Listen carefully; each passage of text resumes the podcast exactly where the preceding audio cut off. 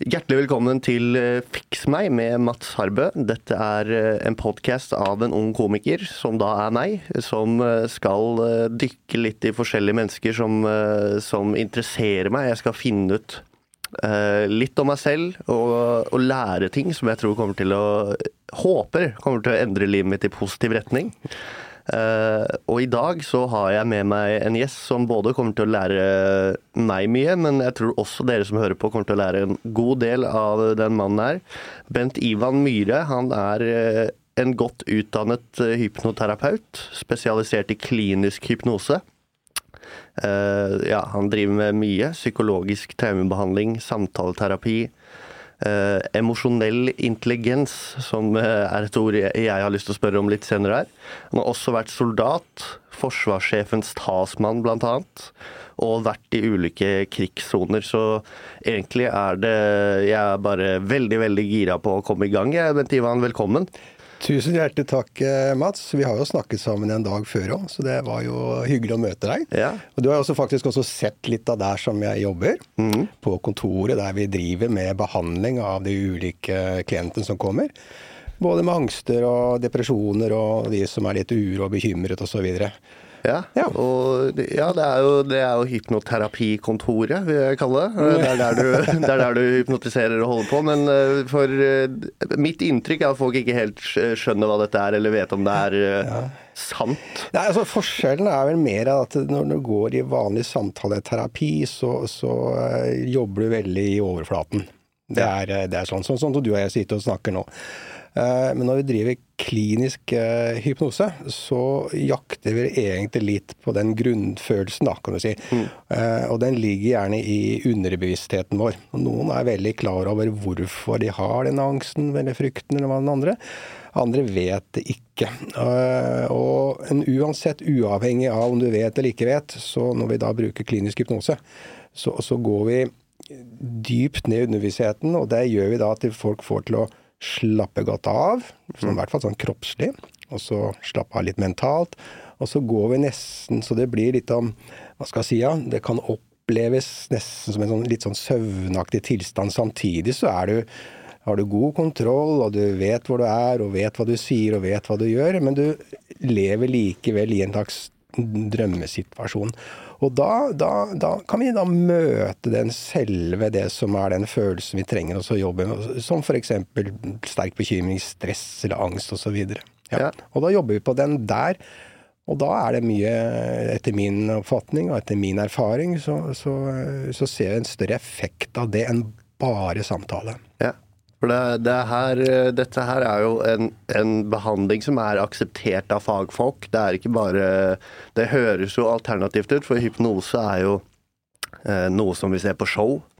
Eh, som eh, vi har sett på TV, bl.a. Erik Follestad osv. som har blitt eh, hypnotisert til å bli en kylling. Eh, men dette her er en terapi som er på en måte bevist, da. Ja, i høyeste grad. Mm. Det er showhypnose og det som vi driver med klinisk behandling, er jo to vidt forskjellige ting. Ja. Eh, jeg må si selv at eh, jeg er jo veldig I og med at jeg har drevet med såpass lenge, så er det jo veldig lett å hypnotisere meg. Mm. Men det er jo ingen som hadde fått meg til å stå på en scene og, og grynte som en gris eller hoppe som en kanin. Altså, fordi at det, det, det, strider egentlig veldig mot hva jeg har lyst til. Ja. Uh, og, og, slik at det, når det er på et sånt showhypnose, så er det gjerne at du plukker ut en populasjon på 20-30 mennesker, og så tester du uh, si, mottakeligheten for hypnose. Så sitter du igjen da med kanskje en fem-seks stykker som er ekstremt mottakelige. Mm. Eh, samtidig så har det også noe i seg at jeg heller ikke er så veldig redd for å gå på scenen for å gjøre sånne ting heller. Så de er veldig lett påvirkelige til å gjøre det. Eh, eh, og selv om jeg har vært i en dyp hypnose, så, så har vært mange ganger, også guidet, eh, og blitt utfordret på ting som jeg da merker at nei, dette vil jeg ikke snakke om. Og da unngår jeg det, selv om jeg har vært i den transen, da. Ja. Så du har altså kontroll alltid under en hypnose? I høyeste grad. Okay. Det har du. Så hva er da eh, eh, altså klinisk hypnose, du sier at man får kontakt med følelser, man, man prater med følelser. Eh, det, er, det er jo ganske vanskelig å forstå seg på, da, for noen som ikke har vært i, i situasjonen. Men eh, Nei, altså hvis du ser for deg da, liksom, Vi drømmer jo hver natt stort sett, og da kan du oppdage rare figurer, rare mennesker osv. Så, hvis du tar utgangspunktet da i, i et menneske som da har en angst, angstdiagnose, eller du kjenner at det er uro på den måten. da. Uh, og etter at vi har fått til denne kroppslige avslapningen, mental avslapning osv., så, videre, så kan vi liksom få de til å visualisere f.eks. at vi da sitter ved et, rundt et møtebord, da, sånn som du og jeg gjør akkurat nå. Uh, og da kan de faktisk begynne å visualisere denne angstfølelsen. Og her er det morsomme, fordi at uh, den angstfølelsen den kan altså nesten dukke opp som en rar figur. Og her begynner det å bli og, her, og, det er det interessante, for det kan ta form som en munk, eller en kanin, eller en mann lagd av murstein. Eller, altså det er fantasien vår, underbevisstheten, som jobber frem dette her. Eh, når den er da på plass ved dette møtebordet, så kan jeg da guide da klienten i en samtale med sin egen følelse. Ok, okay så nå, nå, sitter da Nå er denne personen i en transe? Ja. Uh, og han sitter da rundt det samme, dette bordet her, da, la oss si det, i sitt eget hode. Ja. ja. Og da sitter du der òg? Ja. ja. Og så sitter det en munk eller kanin eller nisse eller, som ja. representerer angst i så, Ja, som representerer følelsen. Ja. Som representerer følelsen kunden ja. vil bli kvitt. Ja. ja. Og det som da skjer, det er at uh, når de får den Da kan de da kan vi da spørre hva er det den funksjonen din, hva er det du hjelper meg med? Det er viktig å si. Hva er det du hjelper meg med denne angstfølelsen? Og da kan han, denne følelsen ha en tro på at liksom Hvis du tar deg, da, Mats. Ja. At uh, hvis du blir for populær på scenen, ja.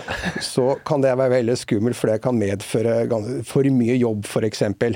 Og det er noe som du kanskje innerst inne da liksom kanskje ja, er redd for å få. Og da kan det være slik at du sitter og holder igjen med en følelse at du må ikke være for hard på scenen, eller for morsom, eller et eller annet mm -hmm. sånt noe som gir deg mer Og da kan vi gå inn og så justere på den følelsen ved å få den til å jobbe på en annen måte, eller å dempe den totalt. Eller at vi faktisk eh, tar en litt sånn reise tilbake i tid, hvor faktisk den følelsen ble etablert den gangen den hadde en nytteverdi. Ja. Eh, så kan vi jobbe på det tidspunktet. Og da ser jeg ofte at det blir en slags, eh, slags eh, forløsning, da. Så effekten av det her er i hvert fall min erfaring. Du får en mye For det folk gjør, gjør litt feil da, når vi snakker om vanskelige, vonde følelser, det er at de skyver de vekk fra seg. Og det gjør at det, den følelsen du skyver vekk, det er en tendens at den begynner å dominere litt i livet ditt. Og i tillegg, når du skyver den langt nok vekk, så vokser jo egentlig følelsen, for den forsøker jo bare desperat å få kontakt med det og fortelle deg at det her er det noe du må høre etter. Mm. Og eh, Så folkens, det er egentlig bare når du kjenner på noe som er vondt eller vanskelig og uro, ta kontakt med den, gå inn i den, gå mer i dybden og finn ut hva er det den egentlig forsøker å si. Men der er det jo noe som eh, Man har jo hørt det. Man har hørt at man skal eh, kjenne på ubehagelige følelser, og man har hørt at man skal eh, snakke om det og alt dette her, men så er det jo noen følelser som du behandler som Når du da sikkert har gått litt langt, da, men at det tar over hele kroppen. Eh, og jeg tror Jeg har jo eh, hatt angst tidligere. Eh, og jeg vet at det, det, er, det virker jo ikke som noe progressivt å bare gå inn i den panikken. Så hva er det man mener med å face en følelse? Det er sånn som Når du snakker om dette som setter seg i hele kroppen, og det er jo gjerne det at eh, man, da har man egentlig kommet ganske langt, for da har du gått med stress og frykt over lenge. Du har gått med hele, sånn, hele nervesystemet ditt har gått i slags beredskap hele tiden. Mm. Og det merker også mange av klienter som kommer. De er for for ekstremt slitne. For at de har gått med den beredskapsfølelsen i kroppen hele tiden. og og, og, kroppen har sett rundt etter fare hele tiden, for kroppen tror at den er livsfare. Mm. Og da, da, da, reagerer den med høyere puls, svetting, og den gjør seg klar til kamp eller flukt eller å fryse posisjonen. Mm. Og da er det jo rett og slett å trene opp nervesystemet til å forstå at i hvert fall i starten, sånn som jeg gjør, altså la den nå være da 10 sekunder eller 30 sekunder hvor den klarer å ha helt ro, og oppleve at det er trygt. Mm. Når da nervesystemet opplever dette her, og kroppen og følelsene forstår at det er trygt å være i ro, da, eller kjenne på roen i noen, noen sekunder eller et minutt, og så vil det her etter hvert, når vi trener mer på akkurat det, så vil det her eh, utvide seg. Tiden vil utvide seg. Mm. Ok, så, men eh, jeg skal trekke, vi skal tilbake på frykt og angst og, og ulike ting.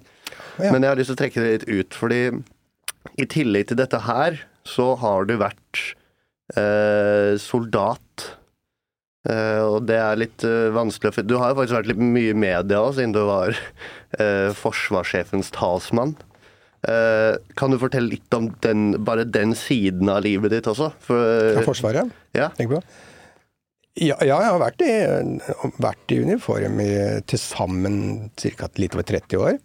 Mhm. Og har vært i eh, internasjonale operasjoner. Og når vi snakker om frykt, ja, jeg har jo kan si, fått kjent på det òg. En, en gang eller to? Ja. Ja, det har vært situasjoner hvor, eh, hvor eh, det var grunn til å kjenne på frykt. Det er klart det.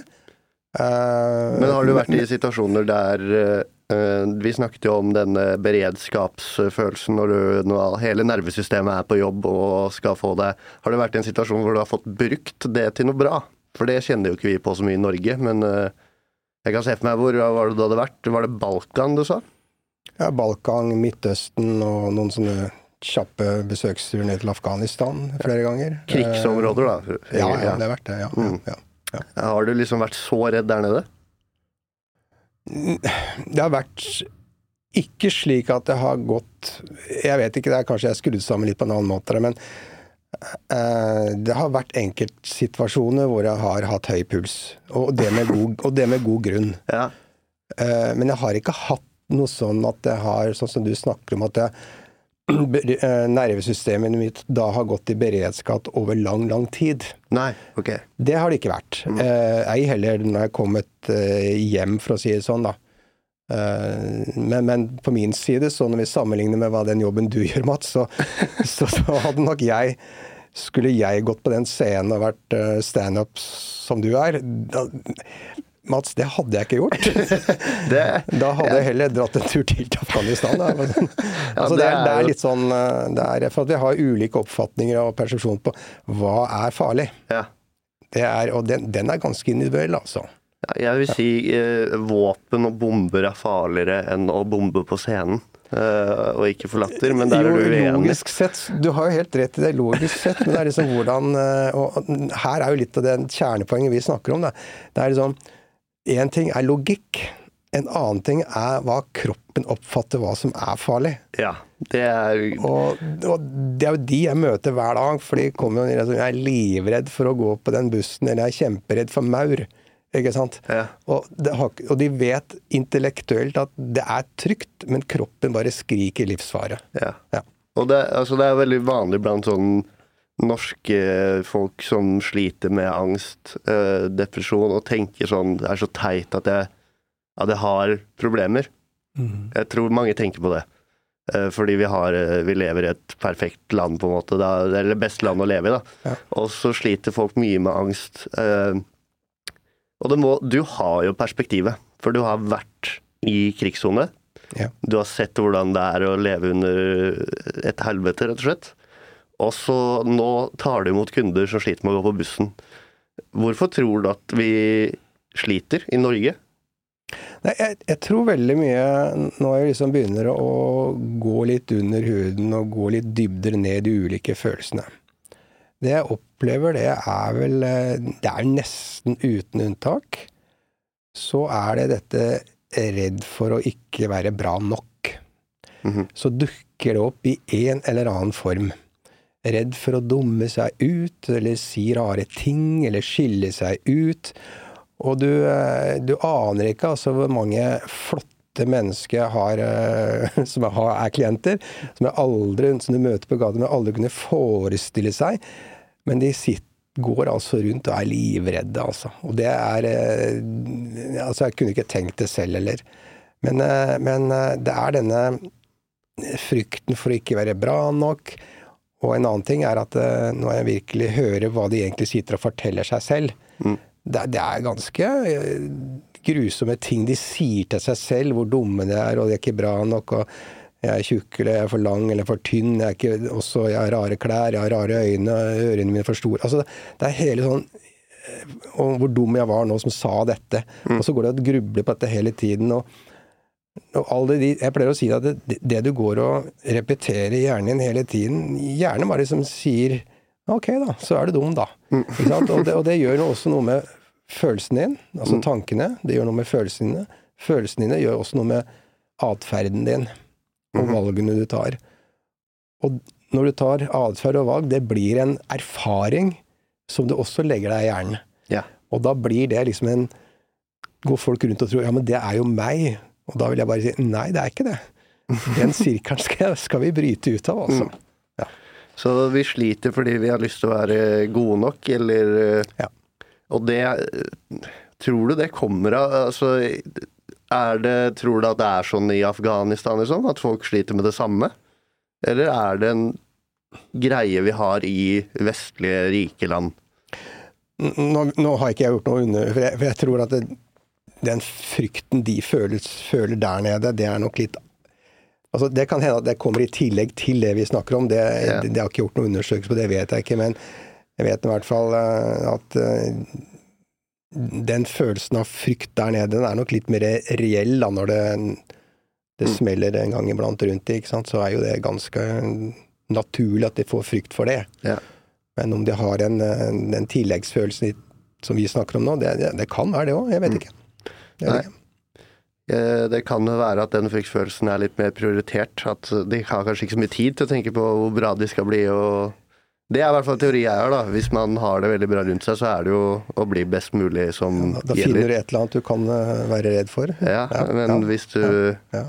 på en måte kan dø når du skal på butikken, så er det vel kanskje det som først og fremst uh, slår deg, før du tenker jeg tror ikke jeg er god nok. eh. Det, Ja, jeg tror den kommer litt ja, ja, i ja. tredje-fjerde rekke. du har rett i det. Rett i det. Ja, ja. Men det er i hvert fall veldig interessant. Eh, og følelsen frykt også. Ja. Eh, det, vi kan gå Jeg har jo også kort periode, jeg har vært innom alle. Jeg er jo som alle andre komikere nevrotisk. eh, veldig nevrotisk. Eh, og har også vært innom å ha hypokondri, er det det heter? Når du er redd for eh, å få sykdommer og dø. Ja. Eh, så Jeg har vært så redd for det Ja. at jeg har faktisk klart å på en måte tenke på meg symptomer. Så jeg har fått symptomer som jeg har googla. Ja. og det, var, det er helt latterlig, men det er sånn eh, googler, Du googler Altså du får litt vondt i brystet, da, så googler du det, og da blir det jo hjerteinfarkt og svulst Ja, ja. på en gang, på en måte. Ja. Det er sånn Google funker. Det er ganske bra hvordan hjernen uh, fungerer på oss. og så leser jeg litt mer. Altså, ja, det, du kan bli nummen i fingrene, Ja. og da blir jeg plutselig nummen i fingrene. Ja, ja, ja. Å, og ja. så var det Jeg har ligget som 22-åring på et uh, på, hos fastlegen min med kabler på brystet og sjekka hjertet. Og han spurte om det var noe i familien. Jeg sa nei, han så ekstremt dumt på, på meg. Det var liksom nei, Men jeg var helt sikker på at jeg har hjerteproblem. Ja. Uh, og det er en annen type uh, frykt, da. Som, og det var kjempeubehagelig. Kjempestressende. Jeg har hatt flere av de. Ja, du har det? Å, ja, ja, ja. Du behandler de også? mange av de. Ja. Ja. Og det, er, det morsomme er at de, de, de, gjerne, de kommer jo gjerne med Og så forteller jeg at de har hatt uh, hjerteproblemer i mange, mange måneder, Ja. sier de. De har jo ikke det, men altså, de sier For det, for det er alltid sånn uh, De skal ha vært hos lege først, slik at de har avklart det i- før de kommer til meg. Mm. Uh, og da kan de si at de har hjerteproblemer, så kan det I to måneder så går det over.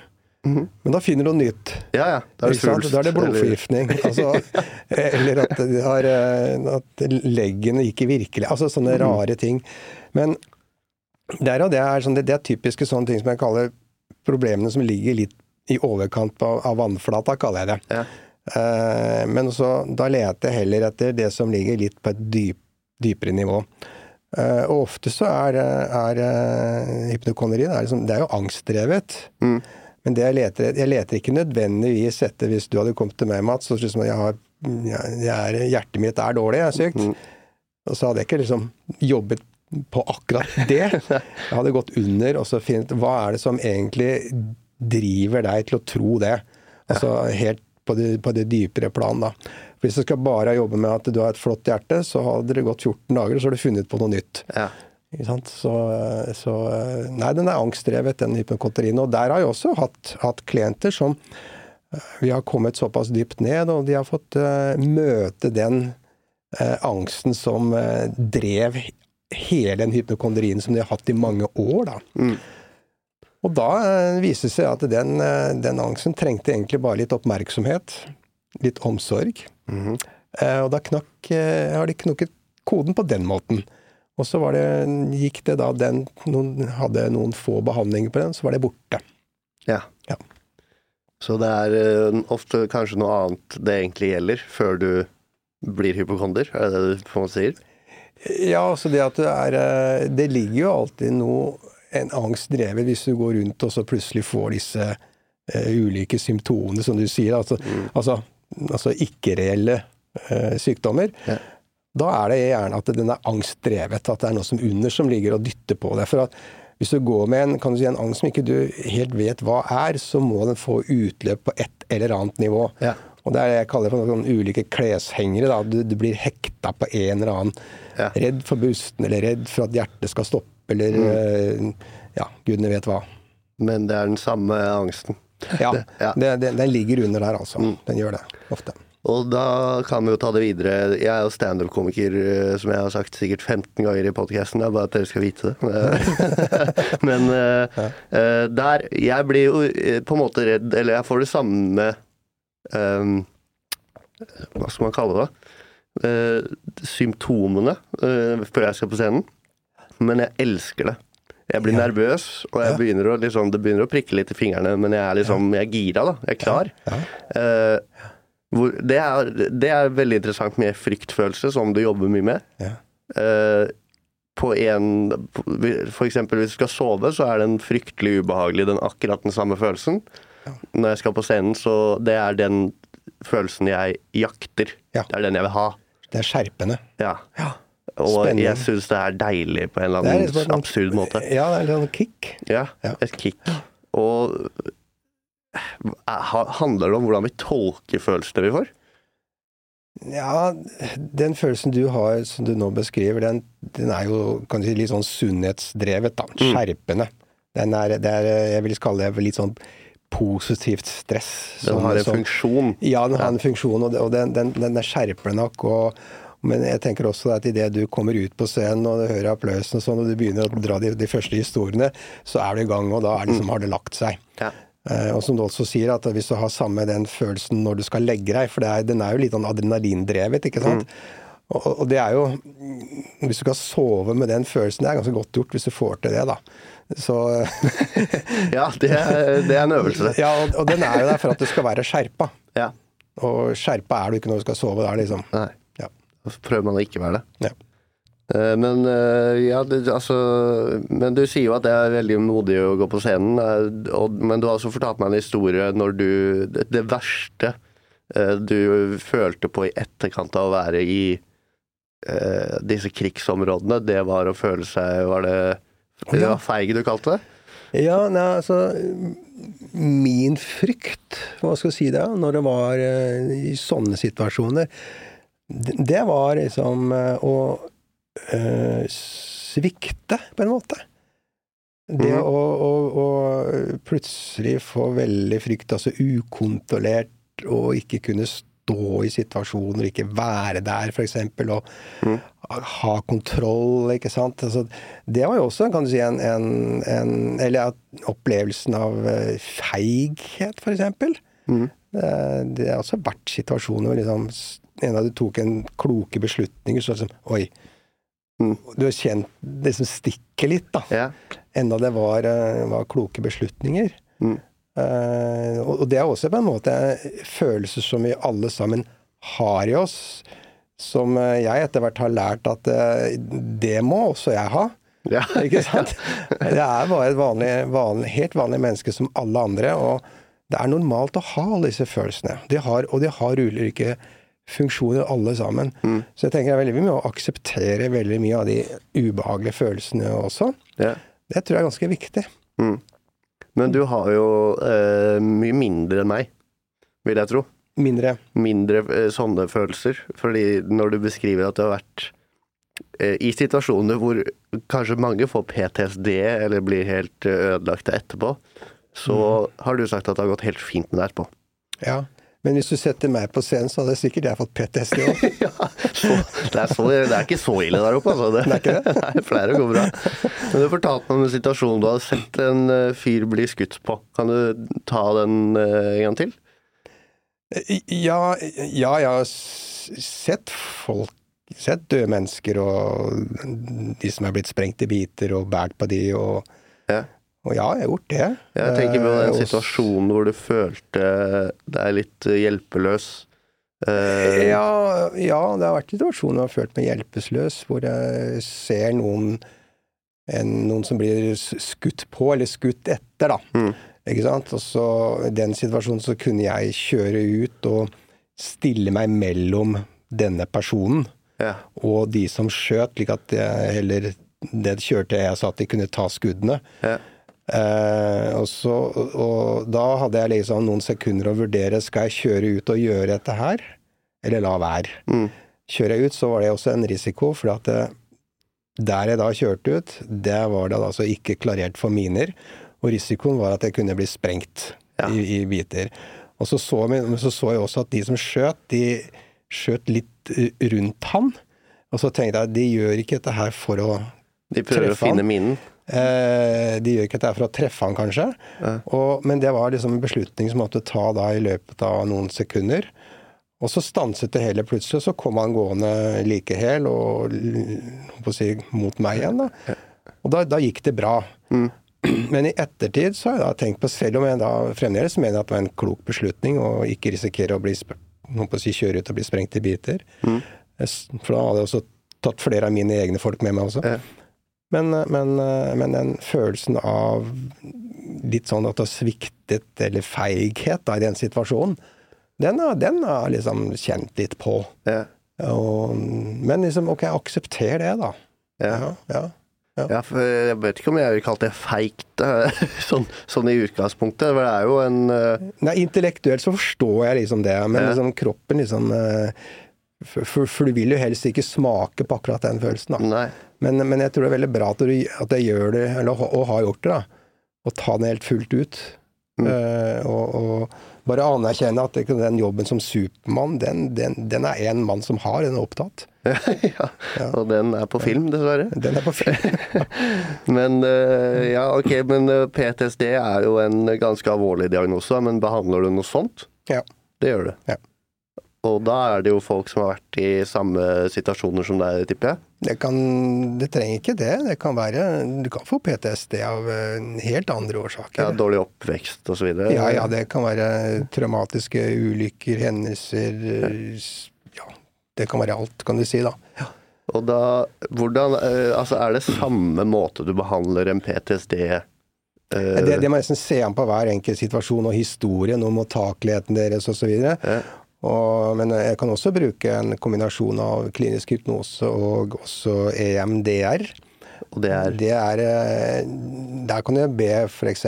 person La oss nå si at en, en, en person som har fått PTSD etter en bil, bil, bilulykke. Eh, og, og eh, da kan jeg da bruke EMDR. Og da kan jeg be han sitte, sitte i en stol ved siden av meg, og så kan jeg be han dra opp det bildet av ulykken. Ikke sant? Eh, dra opp de følelsene som kommer. Dra opp den lyden som var der, lukten som var der. Altså alle sansene maksimalt. Og så vil jeg da spørre liksom, hvor, ille er det nå når du, når du er der, på en skala fra 0 til 10 f.eks., og da ligger den kanskje på 8, 9, 10, at det er så forferdelig å tenke og kjenne på. Og så kan jeg da be en følge med, for da kan jeg dra eh, fingrene mine sånn frem og tilbake foran øynene på han. Så han ser sånn høyre, venstre, høyre, venstre hele tiden i et veldig gitt tempo. Eh, og hastighet, og, og så har vi pauser, og så sjekker vi liksom hvordan det går nå. Og mens vi gjør dette her, så er det så rart at eh, følelsen av frykt da, av den, der, den episoden. Den bare går lavere og lavere og lavere og lavere mens vi gjør det. Ja. Mens den fremdeles holder seg i den situasjonen. Og det er litt spennende å se på. Og da er vi i det øyeblikket hvor det utløste PTSD-en? Altså, da Ja. er du helt skrapa helt er etter beinet? Da, da er de inne i den uh, bilulykken. Mm. Uh, helt mentalt, liksom kroppen nå nesten, at de gjenopplever den. Og så beveger vi øya frem og tilbake, frem og tilbake, frem og tilbake. Og Da kan jeg da sjekke sånn tallverdien, hvor høyt ligger angsten din nå, etter hvert som jeg da gjør det der. Og da vil den senke seg ganske så umiddelbart mens vi gjør dette her. Men er det et apparat du bruker for å måle det? Det, det finnes det? apparater hvor du kan måle de tingene, men jeg bare ser, holdt på å si Du ser, ja. Drar fingrene rett foran øya, og så spør jeg hva er det du kjenner nå på en tallverdi fra 0 til 10, så kan de starte Aha. Ja, jeg ligger på 8 til 10, og så etter hvert og ligger jeg nå, nei, nå nede på 5, Mm. ikke sant, Altså så 3, 2, og så til slutt så blir det helt altså, nøytralt. Og så kan vi da bygge opp igjen hvilken følelse Hvordan vil du oppleve deg selv i denne situasjonen hvis du skal oppleve den en gang til? Og da kan jeg, nei, vil jeg ha stått der og hatt kontroll, Vil jeg ha vært sterk i situasjonen, og så kan vi bygge opp den følelsen. da. Og da, vi, eh, da kan det være én session, og så kan vi la de gå en uke, så kan de komme tilbake. Og så kan du spørre hvor ligger du nå i forhold til sist gang. Da, da kan du si at tallverdien legger seg da ned på ja, en femmer, og så begynne å jobbe derfra. Og så gjør vi dette her repetitivt noen ganger, og så, så skal vi da ende at liksom, du skal kunne klare å tenke tilbake på den episoden uten at de får den triggeren. Riktig. Ja. Så du omprogrammerer minnet? Ja, du legger i hvert fall på andre følelser mm. på det samme minnet. For du fjerner ikke minnet, for at du, de, de episodene de, kan du si, det, det ligger i minneboksen vår, for å si det sånn. Eh, men samtidig, når det, tankene rundt det minnet kommer opp, så trigges ikke følelser på samme måte som tidligere. Det er liksom okay. store forskjellen. Eh, ja, det er jo Det er jo ganske sykt å tenke på. Uh, så hvis jeg La oss ta det tilbake til noe som er litt mer PTSD, PTSD er jo veldig alvorlig, da. Men eh, forresten, har du kurert noen med PTSD? Er det noen som har gått ut fra hypnosekontoret og vært ferdig med det? Ja, det og OCD også har jeg jobbet veldig mye. Veldig mye på angst. Det er liksom de hovedtingene som jeg har jobbet med. Mhm. Og der må man bare spørre, altså de, de selv bare kvitterer tilbake på liksom hvordan de opplever situasjonen. Mm. Og det er, eh, det er hva de selv forteller hele tida, fra gang til gang, da. Ja. Og noen ganger så kan f.eks. ganske kraftig angst, som folk har gått med kanskje i 10-15-20 år også, eh, og gått i eh, Forsøkt å gå med sånn samtaleterapi for å snakke seg gjennom, Mhm. men ikke hatt helt suksess. Og, og der har jeg opplevd at de eh, to-tre ganger med, med hypnose, så, så sier de selv nei, nå trenger jeg ikke mer, nå er jeg bra. Jeg er der jeg skal. Mens andre igjen trenger kan vi si, kanskje åtte ganger, ni ganger. Det har også skjedd, ikke sant. Så det er veldig sånn vari variabelt på, på, på mottakelighet og bakgrunnshistorie og, Ja. og dette her. Hvordan det går da. Så, Så alt fra bare én gang det skjer, det har skjedd Ja. flere ganger, ja, til de som trenger litt mer sånn eh, litt lengre oppfølging, da. ja, Men, er, men det blir som regel bedring og bedring og bedring og bedring, og det er, eh, jeg må si, det er jo utrolig gøy å jobbe med dette når jeg ser det, da. ja, det må jo være en syk greie hvis du faktisk har. Hvis du har er, eh, sett noen slite, eller hørt noen slite om, i 20 år med Ja. PTSD eller angst eller hva det måtte være, da, og så går de til kontoret ditt og er kvitt det. Ja. Det er jo Ifølge dem selv, så, Ja. så jeg ser på kroppsspråket deres også at de er jo glade. Ja, det, sånn, det tror jeg på, da. For det er jo en Det går litt utover livskvaliteten din etter hvert. I høyeste grad. Ja, I høyeste grad. så det er jo på en måte å redde liv, Ja, vil jeg si. Men du er for ydmyk til å ja det skal ikke Må du gå inn i følelsen? Må gå. ja, det, ja, akkurat Du tar meg litt på kornet her. Ja. Ydmykhet, ja. Det er Ja. eh, Men det er en norsk greie. Ja, Ja, det er, jeg syns jeg er modig som sitter her i dag med deg, Mats. ja det er Bare å være på en sånn podkast, det, Det er jo egentlig ikke skummelt i det hele tatt. Det jo Nei, det går bra så langt. Ja, det gjør det. Men uh, mm, Ja, ok. Så ydmykhet, er, eller hva kaller man det motsatte av det? da? Hovmod? Er det noe du sliter med å Sliter å ta til deg komplimenter? Om jeg syns det er vanskelig? Ja. Hvis noen Ja, sier 'fader, du er en du ja. redder liv', så sa jeg at det var litt ubehagelig. Ja, jeg merka det. Ja. Ja. Når du sa det så, for det høres så voldsomt ut, men eh, jeg har vel hjulpet folk med, med, med å dempe angst og fjerne angsten. Mm. Det har jeg gjort. Så du har i hvert fall endret livet deres til det bedre, kan er det lov Det, å si det det? kan vi, Ja. vi kan si det. Ja, okay. ja. Men det er faktisk noen som har sagt at, det jeg har redda livet deres. Sier de. Jeg vil jo tro det hvis du kurerer. PTSD. Ja, noen Mm. har sagt det. Ok, da. Nå har du lyst til å skryte litt, se. Nei, nei, men det, det, det sitter litt inne. Det, det gjør det. Hvor, kommer det fra, da? Nei, skal ikke jeg begynne å behandle deg. Lukk øynene dine, jeg knipser. Ja, men det, det, er, det er en greie da, vet du. ja, ja. Ja, ja, du har helt rett. Det er jo Du godt å høre rett. at du er litt menneskelig. Og er, i høyeste grad. Ja. Men det, du er klar over at livet ditt er litt utenom det vanlige? Altså karrieremessig? Ja, det er jo fra Jo, det er jo det er vel det. Mm. Mm. Fra, fra å være i de områdene der til eh, å sitte nede på Oslo hospital og Ja. drive klinikken min der sammen med, med de andre som jeg jobber der, og veldig gå dypt inn i følelser og så videre. Men du må ha likt jobben som soldat? Om jeg likte det? Ja, Siden du var der 30 Ja, ja, år? ja, det er klart. Klart det. Klart det. Hva var, hva var det som drev deg til å bli soldat i krigsherjede områder? Det var vel egentlig kanskje akkurat det samme som du beskriver denne følelsen som du går rett på scenen. Rett før du går på scenen. Ja, altså, jeg, husker, jeg husker første gangen jeg dro ned til Midtøsten, altså Libanon den gangen. Så, så, så tenkte jeg, hva er motivet? Sant? Jeg stilte meg, hva er motivet? Og men det var rett og slett for å, å finne ut hvordan vil jeg reagere på å være i en altså krigssone, Mm. konfliktsone. Og hvordan hvordan vil jeg være, hvordan vil jeg oppføre meg, hvordan vil jeg føle, hvordan vil jeg kjenne det, vil jeg stå i det, videre. Mm. Det var litt av denne, men den er en Det er jo litt sånn spennings... Ja. At du søker litt spenning, da. Søke Og det, var det, og det, var, det må jeg være ærlig på det, at det var jo det den gangen. Mm. Ja. Og så jobber du som hypnoterapeut, og da er det spenning på et litt annet nivå, men det er spennende det òg. Det er veldig spennende. Ja. Det er utrolig spennende å se, altså. Det er, og det tror jeg også de opplever, de som eh, kommer og får kjenne på hva det å virkelig gå dypt inn i seg selv og møte disse grunnleggende følelsene som ligger der, og at de faktisk kan gå og jobbe med de på det nivået der, og oppleve at det, søren, der er ligger jo nøkkelen til det hele. Mm. Det er litt gøy. Ja. Ja, nå skal vi inn i siste. Dette podkasten heter jo Fiks meg. Uh, og hva er det jeg kan ta med meg fra deg, Bent Ivan? Det er jo helt sinnssykt mye. Uh, men uh, det- ene jeg har tatt med, er jo at, at det å, å kjenne på ubehagelige følelser er nødvendig for å ikke bli eh, Ja. For at det ikke skal gå over bord, holdt jeg på å si.